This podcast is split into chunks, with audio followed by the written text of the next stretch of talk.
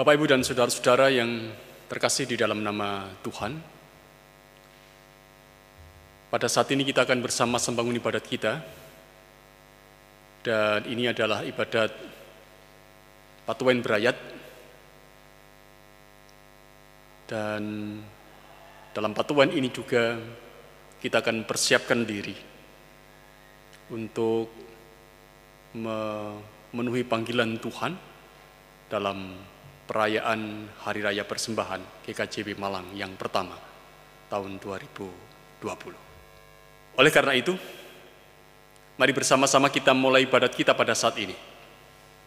Kita mengambil saat teduh, menyiapkan hati, pikiran, dan jiwa kita, hampiri tata Tuhan.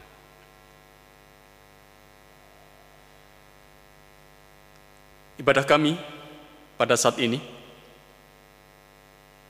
kami lakukan di dalam nama Allah Bapa yang telah menciptakan langit dan bumi. Allah yang setia pada apa yang sudah diciptakannya dan yang kekal kasihnya.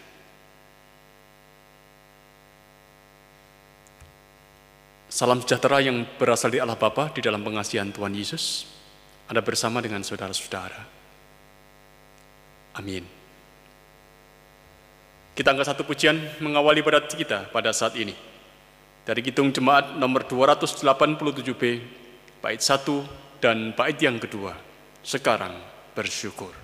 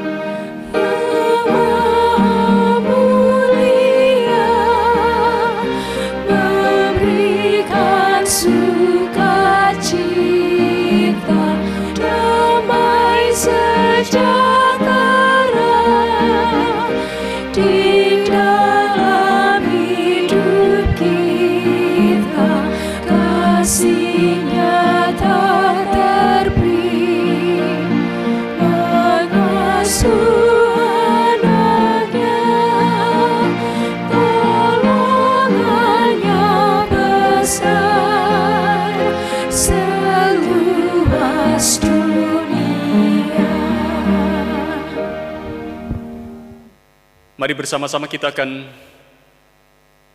membaca dan merenungkan firman Tuhan. Sebelumnya mari bersama-sama kita berdoa.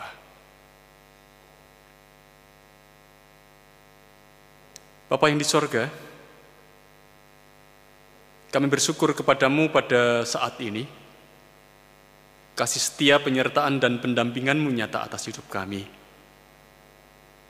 Kau berikan kesempatan bagi kami untuk melakukan apa yang menjadi tugas hidup kami sepanjang hari ini. Dan saat ini, kami boleh menghampiri tahtamu dan mengingat bahwa engkau telah menyertai apa yang sudah kami lakukan di dalam hidup kami. Bersama dengan umatmu, kami mengungkapkan puji dan doa kami kepada engkau. Apa yang kami ungkapkan kepada engkau biarkanlah semuanya berkenan di hadapan Tuhan karena inilah kami Tuhan anak-anakmu yang senantiasa belajar untuk mengungkapkan syukur kami kepada Engkau karena Engkau begitu baik atas kami. Dan dalam peribadatan ini, kami anak-anakmu akan sejenak belajar untuk membaca dan merenungkan apa yang menjadi firman-Mu. Tolonglah kami Tuhan pada saat ini untuk memahami dan mengerti apa yang di firman-Mu itu. Kami adalah pribadi-pribadi yang terbatas. Oleh karena itu mohon urapan Tuhan dalam karya roh kudus. Supaya sekalipun kami ada dalam keterbatasan, Engkau tak memberikan kesempatan bagi kami untuk mengerti dan tahu apa yang harus kami lakukan dalam kehidupan kami, sebagaimana firman-Mu. Kami anak-anak-Mu Tuhan, siap mendengarkan sabdamu hanya dalam nama Tuhan kami Yesus Kristus yang menjadi selamat kami yang hidup. Amin. Bapak, Ibu, dan saudara-saudara, dan anak-anak yang dikasihi dan yang mengasihi Tuhan, firman Tuhan yang akan kita baca dan kita renungkan bersama pada saat ini. Kita akan perhatikan tulisan Lukas yang kedua, yaitu dalam kisah para rasul pasal 5, ayat 1 sampai ayat yang ke-11, yang dituliskan kepada kita semua. Ada seorang lain yang bernama Ananias ia beserta istrinya Safira menjual sebidang tanah. Dengan setahu istrinya, ia menahan sebagian dari hasil penjualan itu dan sebagian lain dibawa dan diletakkannya di depan kaki rasul-rasul. Tetapi Petrus berkata, Ananias, mengapa hatimu dikuasai iblis sehingga engkau mendustai roh kudus dan menahan sebagian dari hasil penjualan tanah itu. Selama tanah itu tidak dijual, bukankah itu tetap kepunyaanmu? Dan setelah dijual, bukankah hasilnya itu tetap dalam kuasamu? Mengapa engkau merencanakan perbuatan itu dalam hatimu? Engkau bukan mendustai manusia, tetap mendustai Allah. Ketika mendengar perkataan itu, rebalah Ananias dan putuslah nyawanya. Maka sangat ketakutan semua orang yang mendengar hal itu. Lalu datanglah beberapa orang muda. Mereka mengapani mayat itu, mengusungnya keluar dan pergi menguburnya. Kira-kira tiga jam kemudian masuklah istri Ananias tapi ia tidak tahu apa yang telah terjadi. Kata Petrus kepadanya, katakanlah kepadaku, dengan harga sekiankah tanah itu kamu jual? Jawab perempuan itu, betul sekian. Kata Petrus, mengapa kamu berdosta?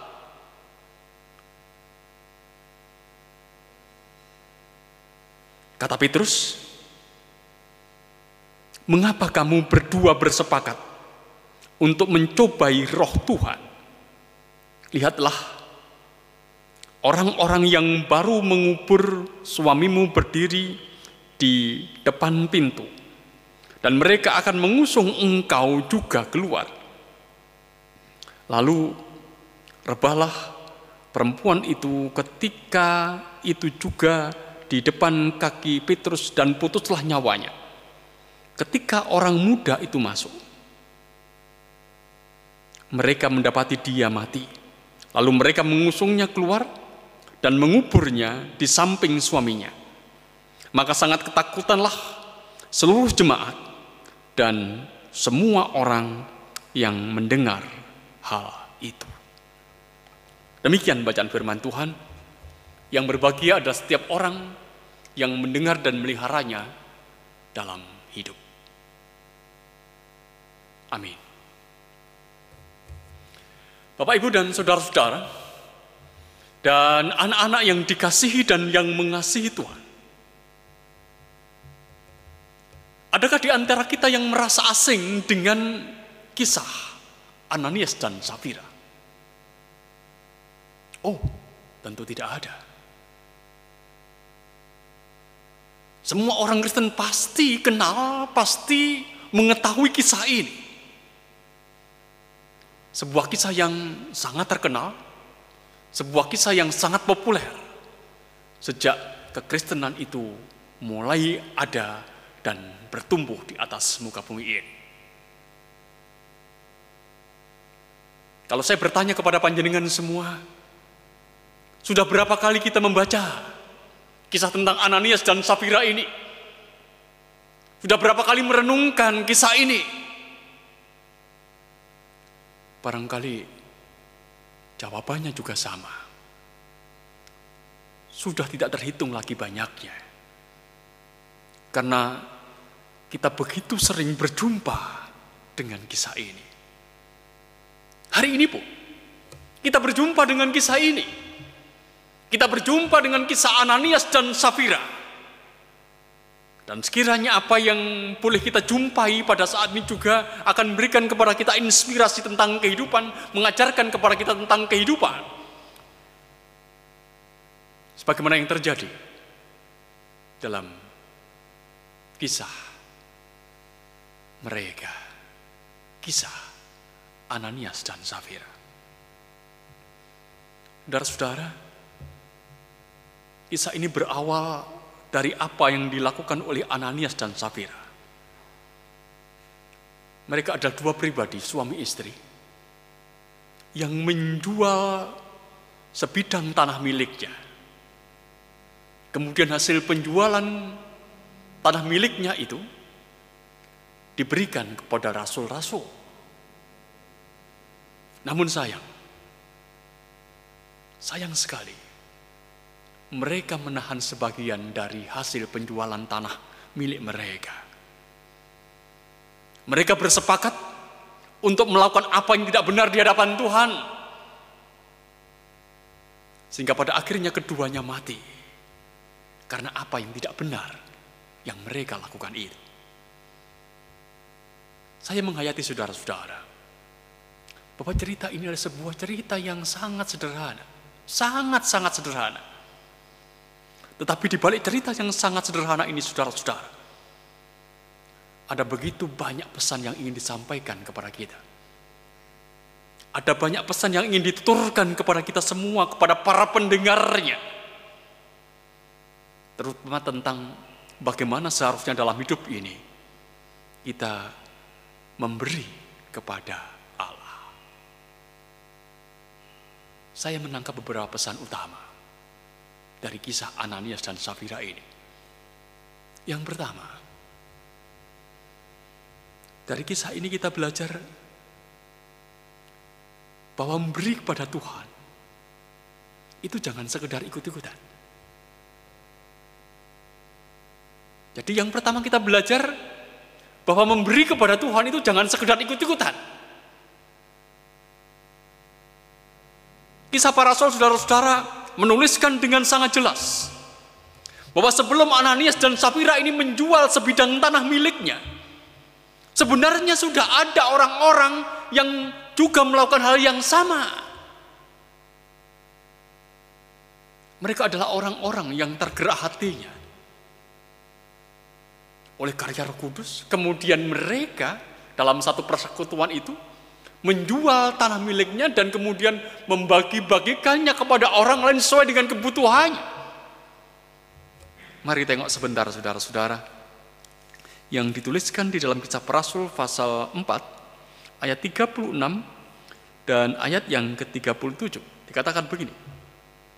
Demikian pula dengan Yusuf yang oleh rasul-rasul disebut Barnabas, artinya anak penghiburan seorang Lewi dari Sipus. Ia menjual ladang miliknya, lalu membawa uangnya itu dan meletakkannya di depan kaki rasul-rasul.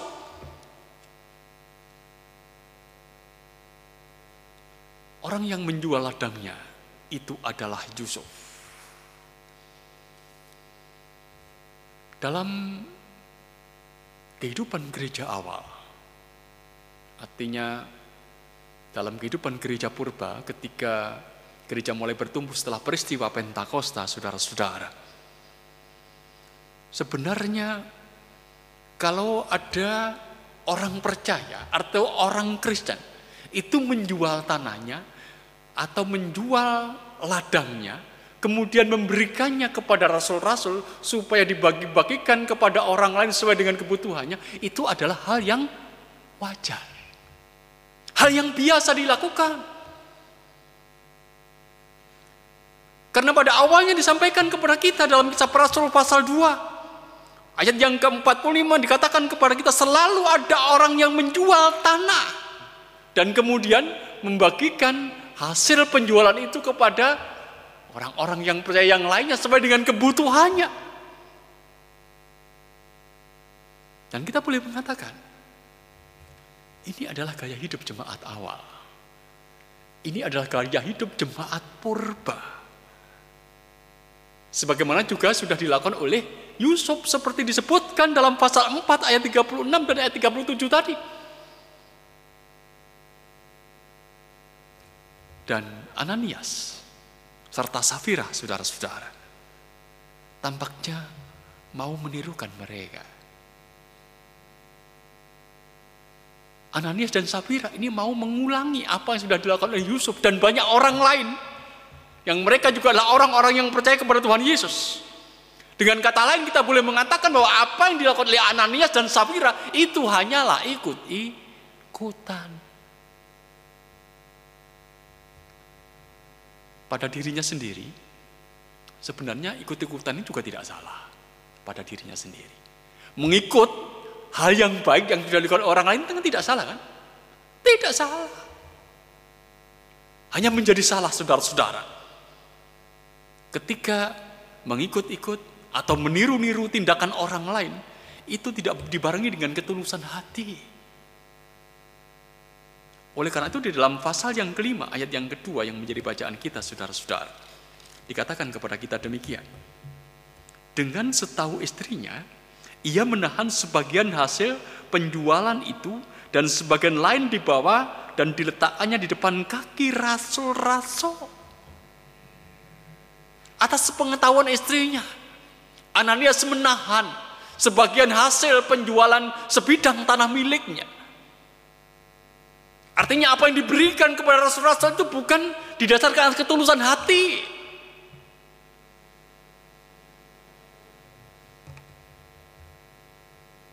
Dan nampaknya saudara-saudara, ketidaktulusan hati inilah yang kemudian menjadi bencana atas hidupnya.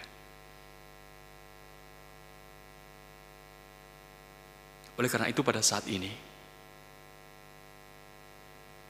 kita boleh belajar dan menghayati di dalam kehidupan kita. Ketika kita dipanggil, ketika kita diajak, ketika kita diminta untuk memberi kepada Allah. Maka seharusnya yang ada dalam hidup kita adalah bagaimana kita melihat hati kita. Ini yang pertama. Apakah hati kita tulus atau tidak? Untuk memberi kepada Allah. Karena ketidaktulusan memberi kepada Allah itu akan menjadi bencana atas kehidupan seorang yang memberi. Seperti yang terjadi atas kehidupan Ananias dan Safira. Ini pengajaran pertama. Pengajaran kedua dari kisah Ananias dan Safira ini. Kita diingatkan supaya kita merencanakan dengan masa, merencanakan dengan matang apa yang diberikan atau apa yang kita berikan kepada Tuhan. Sepintas kita seolah-olah menangkap bahwa apa yang menjadi rencana Ananias dan Safira itu adalah rencana yang matang, rencana yang masak. Karena apa? Karena di antara mereka ada kesepakatan. Ini bukan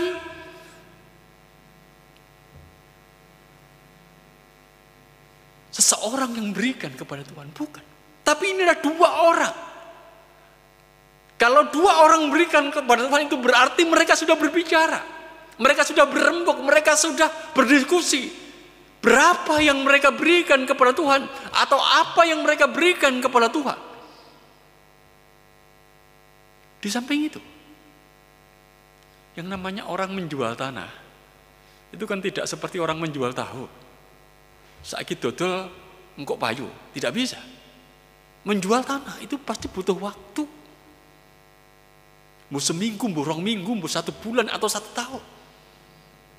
Waktu yang dibutuhkan untuk menjual tanah ini, saya memahami bahwa ini ada juga waktu bagi mereka untuk memantapkan kesepakatan mereka berdua untuk memberikan hasil penjualan mereka itu kepada Tuhan.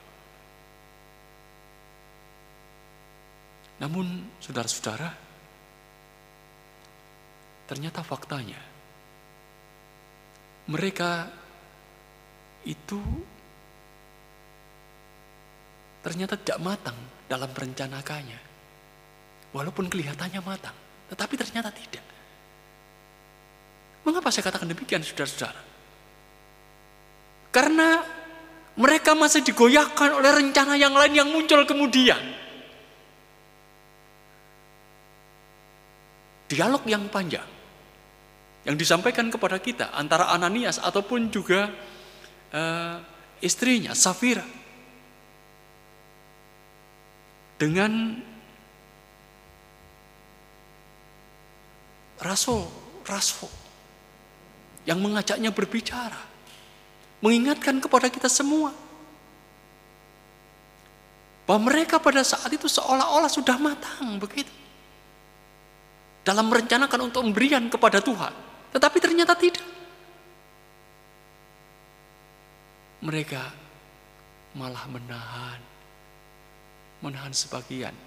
Menahan sebagian ini saya katakan ini adalah rencana yang muncul kemudian. Rencana yang muncul kemudian. Dan kita memang tidak tahu apa sih sebenarnya motifnya. Ananias dan Safira itu menahan sebagian. Kita tidak tahu motifnya. Tetapi yang pasti saya ingin mengingatkan kepada kita semua saudara-saudara, sebuah rencana itu kalau sudah matang, pasti tidak akan tergoyahkan oleh rencana yang lain. Ini yang pasti. Kalau rencana itu sudah matang, pasti tidak akan digoyahkan atau tidak, tidak akan disingkirkan oleh rencana yang lain sekalipun rencana yang lain itu muncul. Rencana yang ada dalam kehidupan Ananias dan Safira itu nampaknya memang awalnya mereka akan memberikan secara keseluruhan. Tetapi muncul rencana yang lain yang muncul kemudian itu. Dan kemudian mereka menahan sebagian. Oleh karena itu, ini mengingatkan kepada kita semua. Mengingatkan kepada saudara-saudara, mengingatkan kepada saya.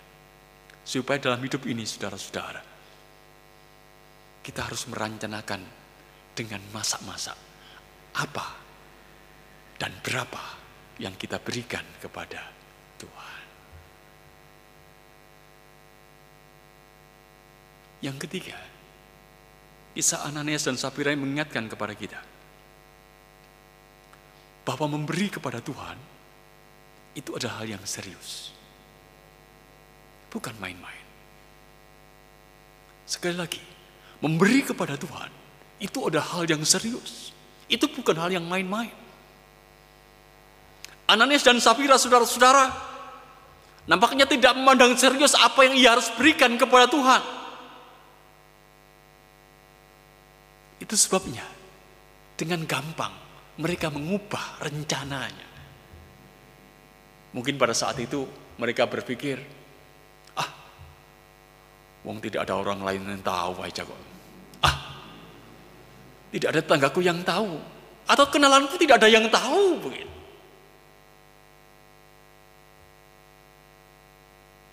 Tapi ingat saudara-saudara, Tuhan mengetahuinya. Tuhan mengetahuinya.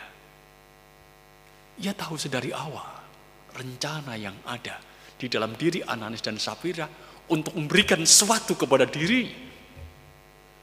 Allah tahu Allah mengetahui apa yang menjadi isi hati manusia. Oleh karena sebenarnya kita juga belajar untuk berhati-hati dengan apa yang ada dalam hati kita. Karena apa yang sudah kita ungkapkan, meskipun itu masih dalam hati kita, itu sebenarnya adalah hak Tuhan. Ini yang perlu kita ingat. Apa yang kita ungkapkan, sekalipun itu masih dalam hati. Berdasarkan kisah ini, sebenarnya ingin mengingatkan kepada kita, itu sudah menjadi hak Tuhan. Jangan pernah mengubahnya. Seolah-olah Ananias dan Safira ini ingin menegaskan kepada kita semua dengan apa yang dilakukannya. Ia bermain-main dengan apa yang menjadi rencananya. Dan ia mempermainkan Tuhan.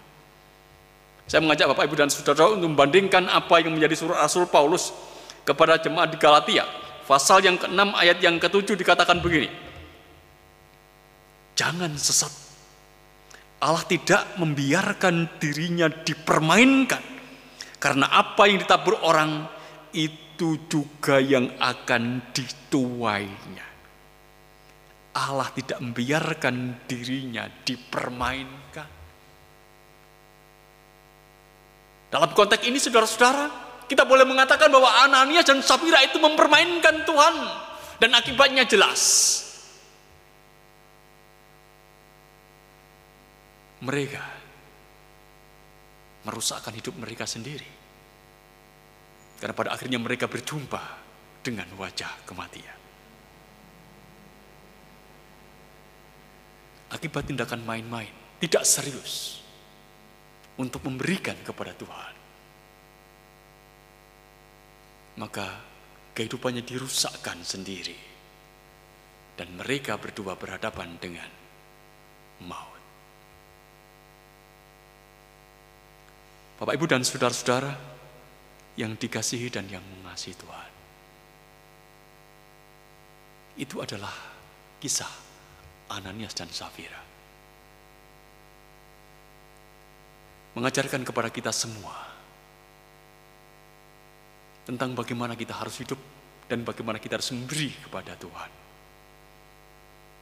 Mari kita bersama-sama mengingat bahwa besok minggu kita ini akan bersama-sama merayakan Hari Raya Persembahan yang pertama untuk GKJB Cepat Malang tahun 2020. Kalau kita merayakan Hari Persembahan atau kita merayakan Hari Raya Persembahan, itu sebenarnya kita diundang sebagai pribadi ataupun sebagai keluarga dan juga diberi kesempatan untuk memberi kepada Tuhan. Mari kita bersama-sama belajar dari apa yang sudah terjadi atas kehidupan Ananias dan Safaria. Jika Allah memberikan kesempatan kepada kita sebagai pribadi, sebagai keluarga untuk memberi, mari perhatikan. Mari kita memberi dengan tulus. Jangan sekedar ikut-ikut. Mari kita juga belajar untuk merencanakan dengan matang, dengan masak-masak. Apa yang akan kita berikan kepada Tuhan. Dan mari sadari, apa yang kita berikan ini adalah hal yang serius.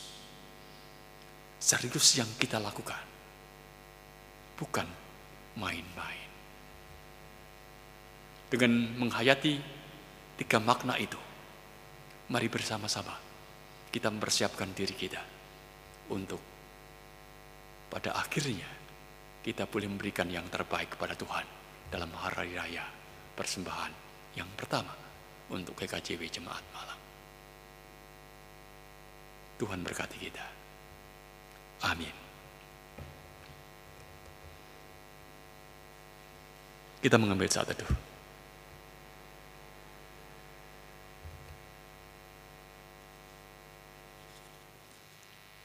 Jemaat yang dikasihi dan yang mengasihi Tuhan,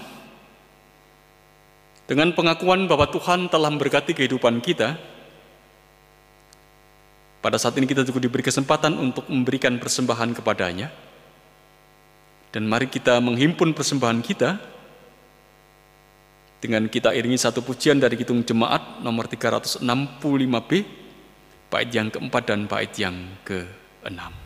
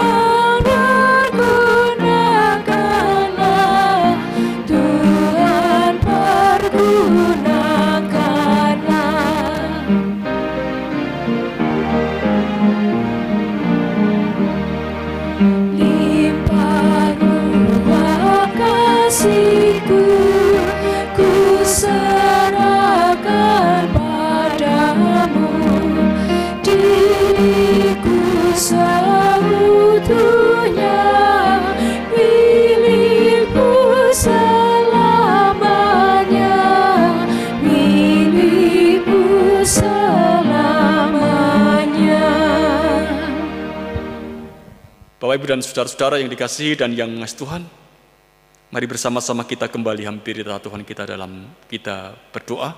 Kita akan angkat doa syafaat kita. Mari bersama-sama berdoa. Bapa yang di surga kami bersyukur kepadamu kalau engkau telah menyertai dan ben kami ketika kami bersama-sama bangun ibadat menikmati persekutuan kami dengan engkau dan dengan saudara-saudara kami yang lain dalam Kristus Yesus. Apa yang boleh kami lakukan biarkanlah semuanya berkenan di hadapan Tuhan. Jadikan kami semakin boleh memahami akan kebaikan Tuhan yang nyata atas hidup kami. Terima kasih pula kalau pada saat ini Engkau telah mewartakan sabdamu atas kami. Mengingatkan kepada kami masing-masing, supaya kami boleh belajar dari kisah kehidupan Ananias dan Safira Engkau mengingatkan kepada kami bagaimana kami harus memberi kepada Engkau. Engkau mengajarkan bagaimana kami harus memberi kepada Engkau dengan segala ketulusan, bukan sekedar ikut-ikutan, supaya kami boleh merencanakan dengan matang apa yang harus kami berikan kepada Tuhan, dan kami boleh memandang bahwa apa yang kami berikan kepada Engkau itu ada sesuatu yang serius di dalam kehidupan kami. Engkau ya Allah yang akan terus mampukan kami supaya kami boleh mewujud nyatakan apa yang di firmanmu itu dalam kehidupan kami. Perkenankan pada saat ini kami mengangkat doa syafaat kami. Engkau yang akan mempersiapkan diri kami masing-masing sebagai pribadi, sebagai keluarga, untuk memberikan kepada kami kemampuan memberikan yang terbaik bagi Tuhan dalam hari raya persembahan yang akan kami rayakan besok pada hari Minggu. Kami percaya Engkau telah memberkati hidup kami. Engkau telah memberikan yang terbaik bagi kami.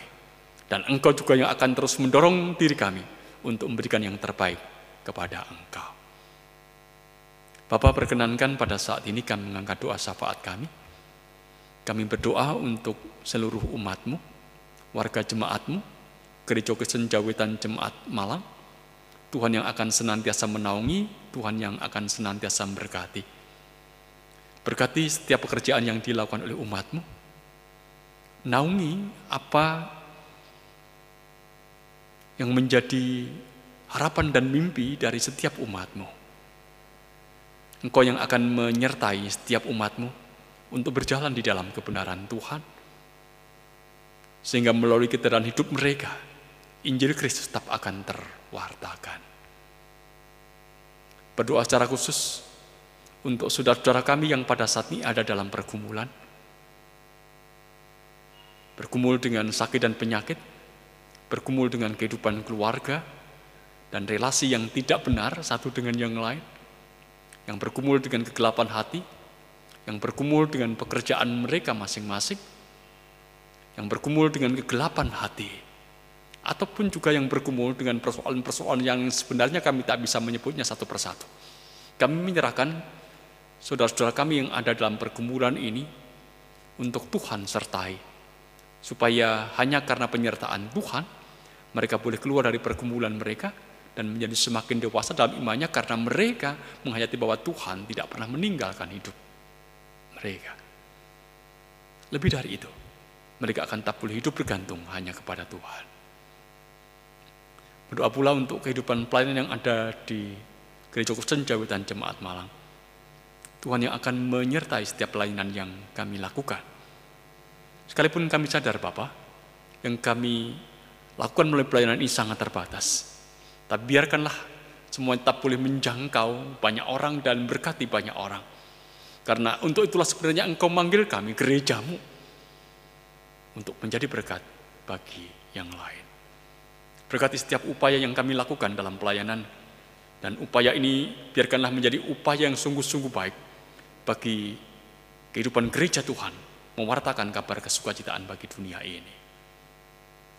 Perkenankan kami juga berdoa untuk situasi kehidupan dunia ini yang berada di bawah bayang-bayang pandemi COVID-19. Kami berharap kepada Tuhan supaya Tuhan sendiri yang akan terus campur tangan, yang pada akhirnya memulihkan dunia ini dari kesakan yang dialaminya karena pandemi ini. Berikan kepada saudara-saudara kami yang berupaya untuk terus bertahan di dalam kehidupannya, menemukan jalan terbaik bagi keberadaan krisis karena pandemi ini. Dan berkatilah saudara-saudara kami semua yang berada di garis depan dalam mengupayakan pemulihan atas dunia yang ada dalam pandemi ini. Mereka para dokter, para perawat, Tuhan yang akan senantiasa menaungi dan berkati. Demikian pula mereka yang kehilangan orang-orang yang mereka cintai karena pandemi ini Tuhan yang menghiburkan. Jagailah diri kami, jagailah setiap umatmu, supaya mereka tetap ada dalam sehat dan dalam perlindungan Tuhan. Bapak di sorga, kami pada saat ini juga berdoa untuk kehidupan negeri ini, di mana kami hidup. Engkau yang akan memimpin negeri kami. Engkau yang akan berkati para pemimpin negeri kami dari presiden sampai pejabat yang berada di tingkat paling bawah. Tuhan yang menyertai dan berkatinya, supaya para pejabat ini akan tetap boleh berkoordinasi, mereka tetap boleh melakukan tugasnya satu dengan yang lain dalam satu rangkaian gerak untuk mengupayakan pemulihan nyata atas negeri ini. Bapak di sorga, kami mengungkapkan doa kami, tentu ada dalam keterbatasan. Engkau sendiri yang akan senantiasa menyempurnakan doa kami. Dan kami percaya semuanya itu pulih sempurna hanya dalam nama Tuhan kami, Yesus Kristus. Amin.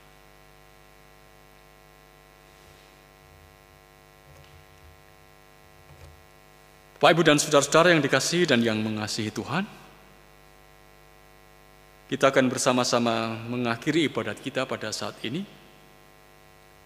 dengan kita angkat satu pujian dari Kitung Jemaat nomor 417, bait satu dan bait yang kedua. Serahkan pada Tuhan.